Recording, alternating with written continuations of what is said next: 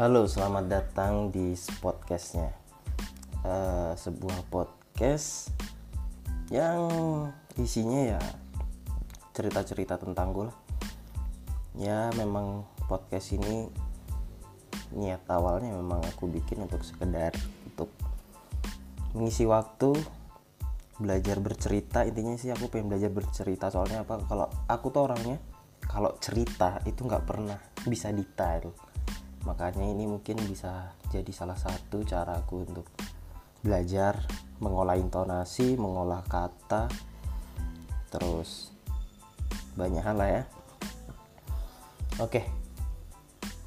Aku juga akhir-akhir ini sering dengerin podcast yang menurut gua agak serius ya. Aku kayaknya orangnya cukup cukup pengen bisa bercanda tapi nggak bisa bercanda. Gimana sih ada kan biasanya orang kayak gitu. Kalau di tongkrongan tuh bawaannya pengen pengen ikutan ngelawak tapi nggak bisa ngelawak. Ah, ya gitulah. Itu itu salah satunya aku. Podcast yang sering ku dengerin tuh Pang, Panji Pragiwaksono. Salah satu bapak stand up yang udah tur keliling dunia. Uh, yang nama podcastnya kalau nggak salah hiduplah Indonesia Maya.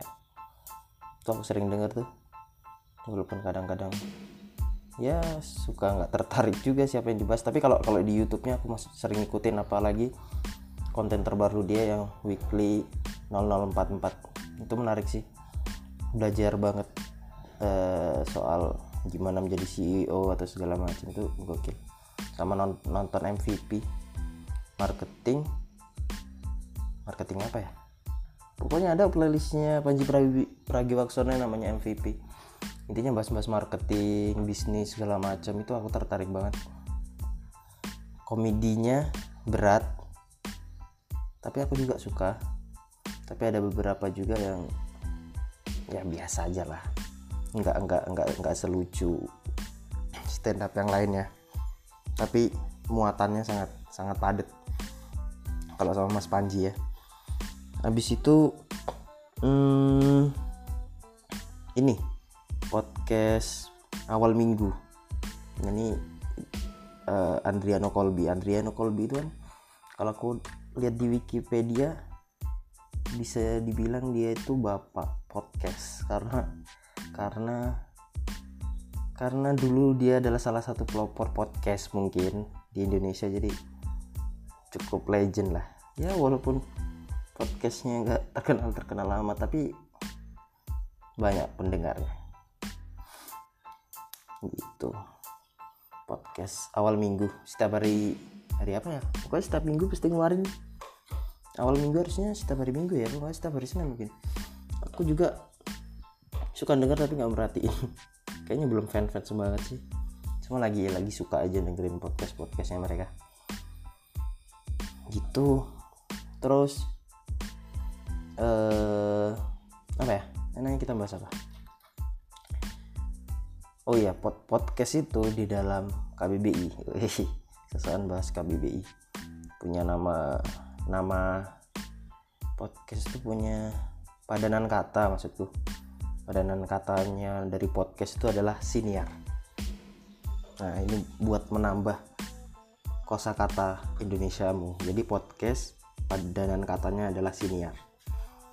Cuma cuma aku bukan bukan ini ya bukan polisi bahasa ya. Maksudku kalian mau pakai bahasa mau ngomong ke orang podcast mau, mau ngomong pakai sinar itu terserah. Tapi yang jelas cuma untuk menambah kosakata kalian ya. Podcast itu ada padanan katanya gitu aja. Kita lagi uh, hari ini lagi ada berita viral ya. Berita viral soal pas pampres yang ricu sama anggota polisi di pos penyekatan PPKM darurat di Jalan Dan Mogot kalau nggak salah ya. Aku juga nggak tahu sih jalan mana soalnya aku ini orang Lampung jadi aku nggak nggak terlalu nggak terlalu ngerti lah gimana itu dan mogot segala macem. Cuma ini menarik banget sih. Ya menariknya uh, ya ya ya ricu aja kayak polisi itu nggak percaya kalau yang yang mereka uh, ajak cekcok ini beneran pas pampres. Soalnya apa? Mungkin pas pampresnya ini mau lewat ppkm darurat kronologinya mau ngelewatin pp uh, pos ppkm kan mau lewat. Karena dia mau apel pagi mau ngelaksanain tugasnya. Tapi polisi-polisi ini nggak percaya ya kan? Soalnya intinya dia dapat arahan ibaratnya tugas mulianya petugas polisi ppkm itu kan untuk jaga perbatasan. Jadi ya kayak eh jangan dulu orang kami ditugasin untuk melarang siapa pun untuk masuk kok gitu loh itu ya nah terus jadi jawab pak tapi saya ini pas pampres pak gitu loh. Terus polisinya ngeyel gini emang kenapa kalau kamu pas pampres? Gitu. Ya. Ya. Ya ya maksudku gini. Kamu nggak tahu sih kenapa polisi itu selalu bentak orang anjir. Kenapa sih? Kelakuan mereka itu harus selalu bentak. Ya mungkin juga mungkin cara bentak mereka itu agar lawan bicaranya atau memang sebenarnya entah itu uh, apa ya intinya untuk untuk mencegah orang bohong mungkin ya bentaknya benar mungkin ya.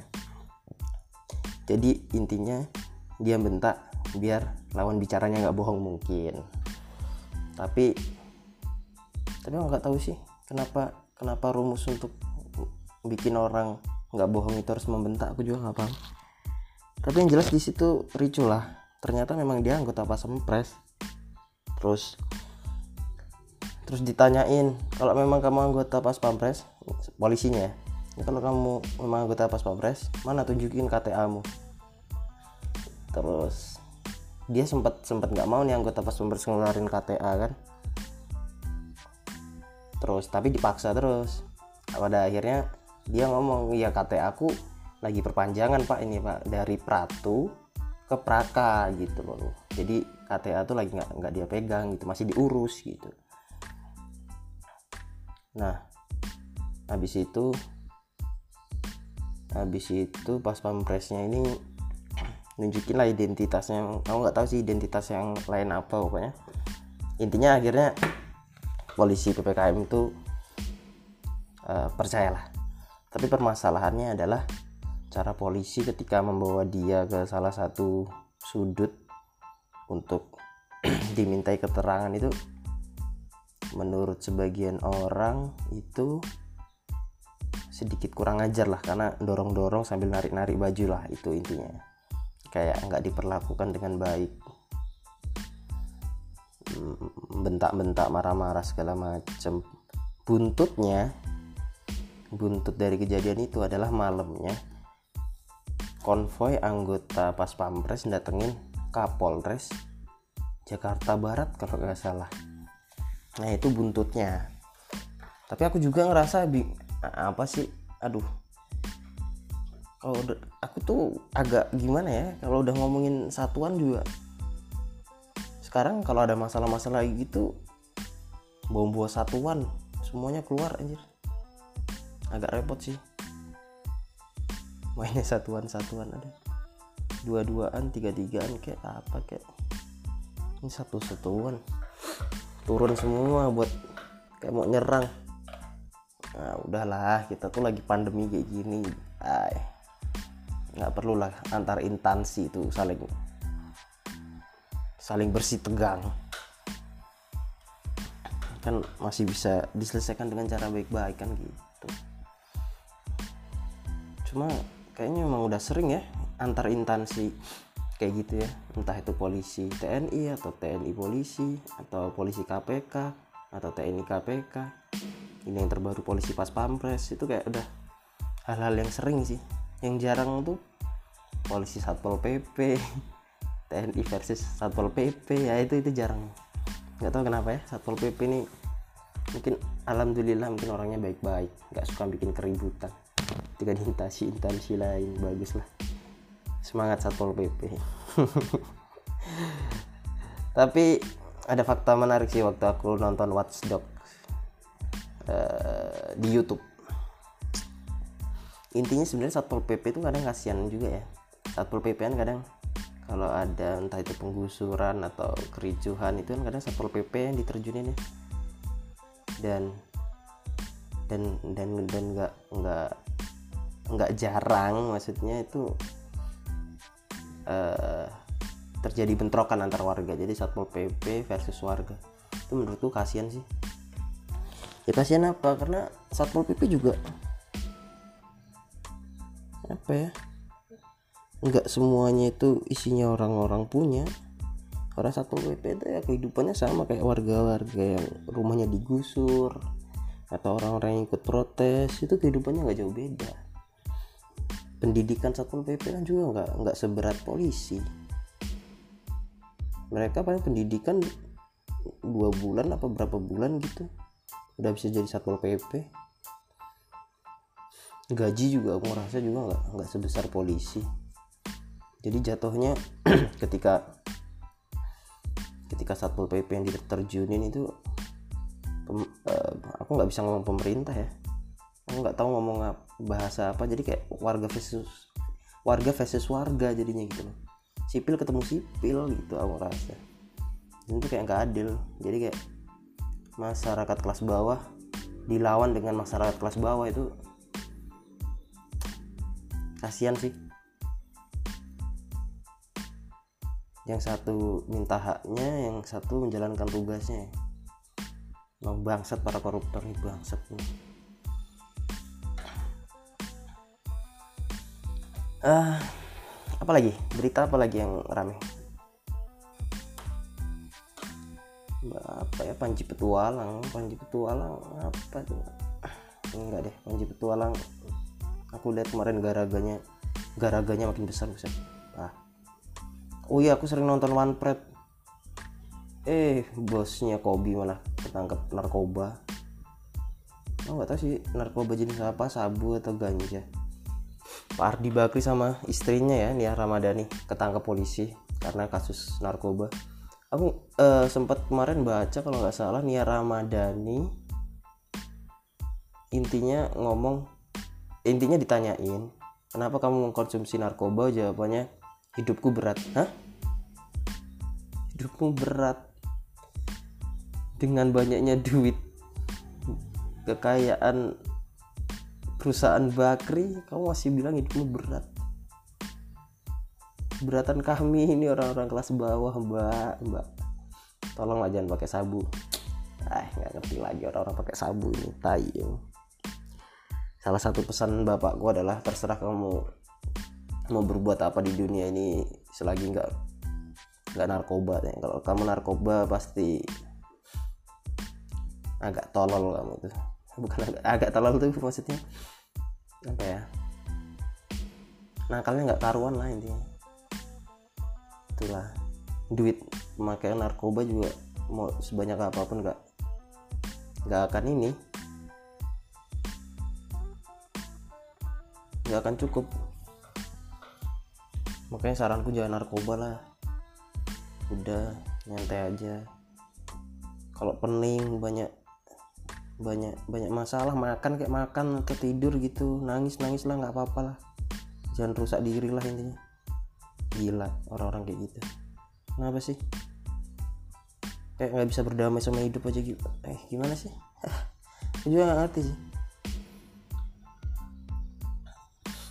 Aku aja semenjak belajar berdamai sama diri sendiri sih kadang apa ya lebih tenang aja pemikiran jiwanya tenang. Intinya berdamai. Apa bahas apa lagi? Bahas bola Copa Amerika paling kapan dijadwalkan? Sabtu kalau nggak salah. Final Argentina lawan Brazil kalau nggak salah. Aku masih megang mana ya? Nggak tahu sih. Jagoanku Kolombia udah kalah kalau Eropa Euro aku masih jago Italia. Italia lawan Inggris. Nggak tahu kenapa memang dari dulu suka sama Italia. Kalau alasannya siapa pemain Italia favorit juga aku juga nggak tahu. Aku bukan pengamat sepak bola yang detail sih. Senang bola tapi nggak nggak terlalu pengamat dari dulu cuma suka Italia ya udah Italia aja. Italia Italia. Apalagi nih? Nggak ada berita bagus. Apa? YouTube di viral selama jalan Mbak Yu ah, aku nggak tahu sih Mbak Yu siapa. Cuma sebatas tahu katanya sih dia peramal. Cuma nggak tahu juga sih. Emang terbukti buat atau enggak ramalannya nggak ngerti. Tapi aku juga kurang tertarik sama ramalan-ramalan kayak gitu nggak ngerti. Apa gitu kayak ramalan tuh ih. Kayak membaca masa depan ah tai lah.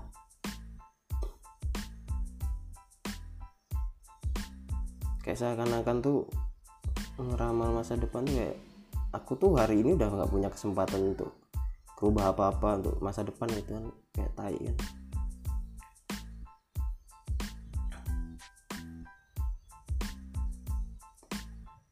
covid covid kayaknya sekarang lagi naik ya. Ya tapi mau nggak mau sih. Makanya covid harus nyebar deh untuk mendapatkan herd immunity. Kita ngandelin vaksin juga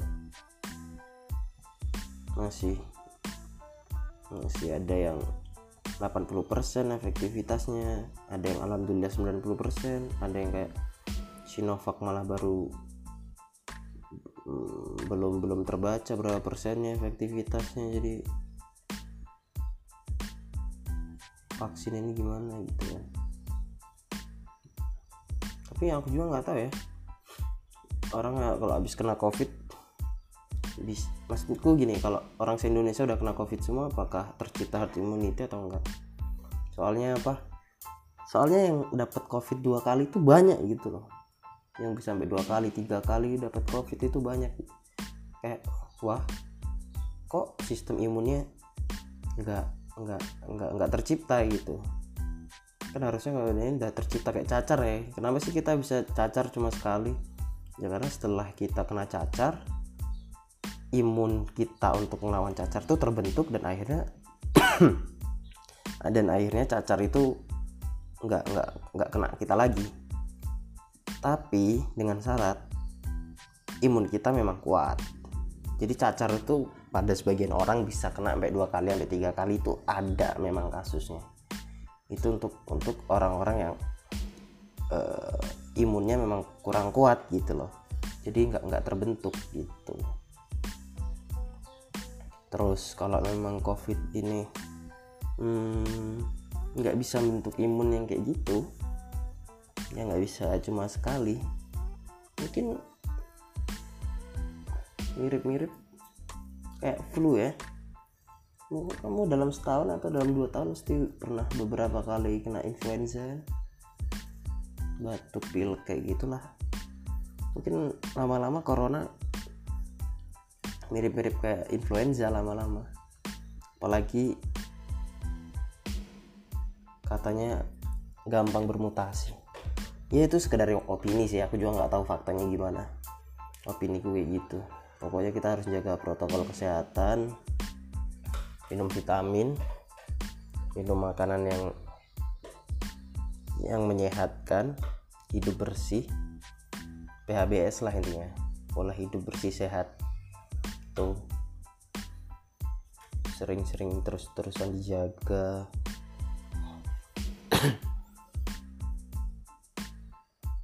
tumbennya aku cerita begini serius banget. Eh padahal aku biasanya kalau cerita-cerita pengen coba selalu ku masukkan hal lucu gitu kan. Kenapa aku serius banget? Aduh apa ya apa lucu yang bisa aku sampaikan? Nah gitulah bahas soal apa lagi? Hmm, kemarin. Ah mungkin di next di next podcast aja deh. Ini udah udah cukup lama nih kan aku cerita. Di um, di next podcast aja deh di next ya udah gitu aja. Cerita-cerita hari ini. Kita akan lanjut besok lagi kalau mood karena memang ini sepodcastnya. Jadi kalau kalau sempet aku buat kalau enggak ya jangan kecewa. Tungguin aja. Atau kalian boleh cari-cari podcast yang lain untuk sembari nunggu podcast saya. Gitu aja. Sehat terus. Eh, jangan lupa berbuat baik. Sampai jumpa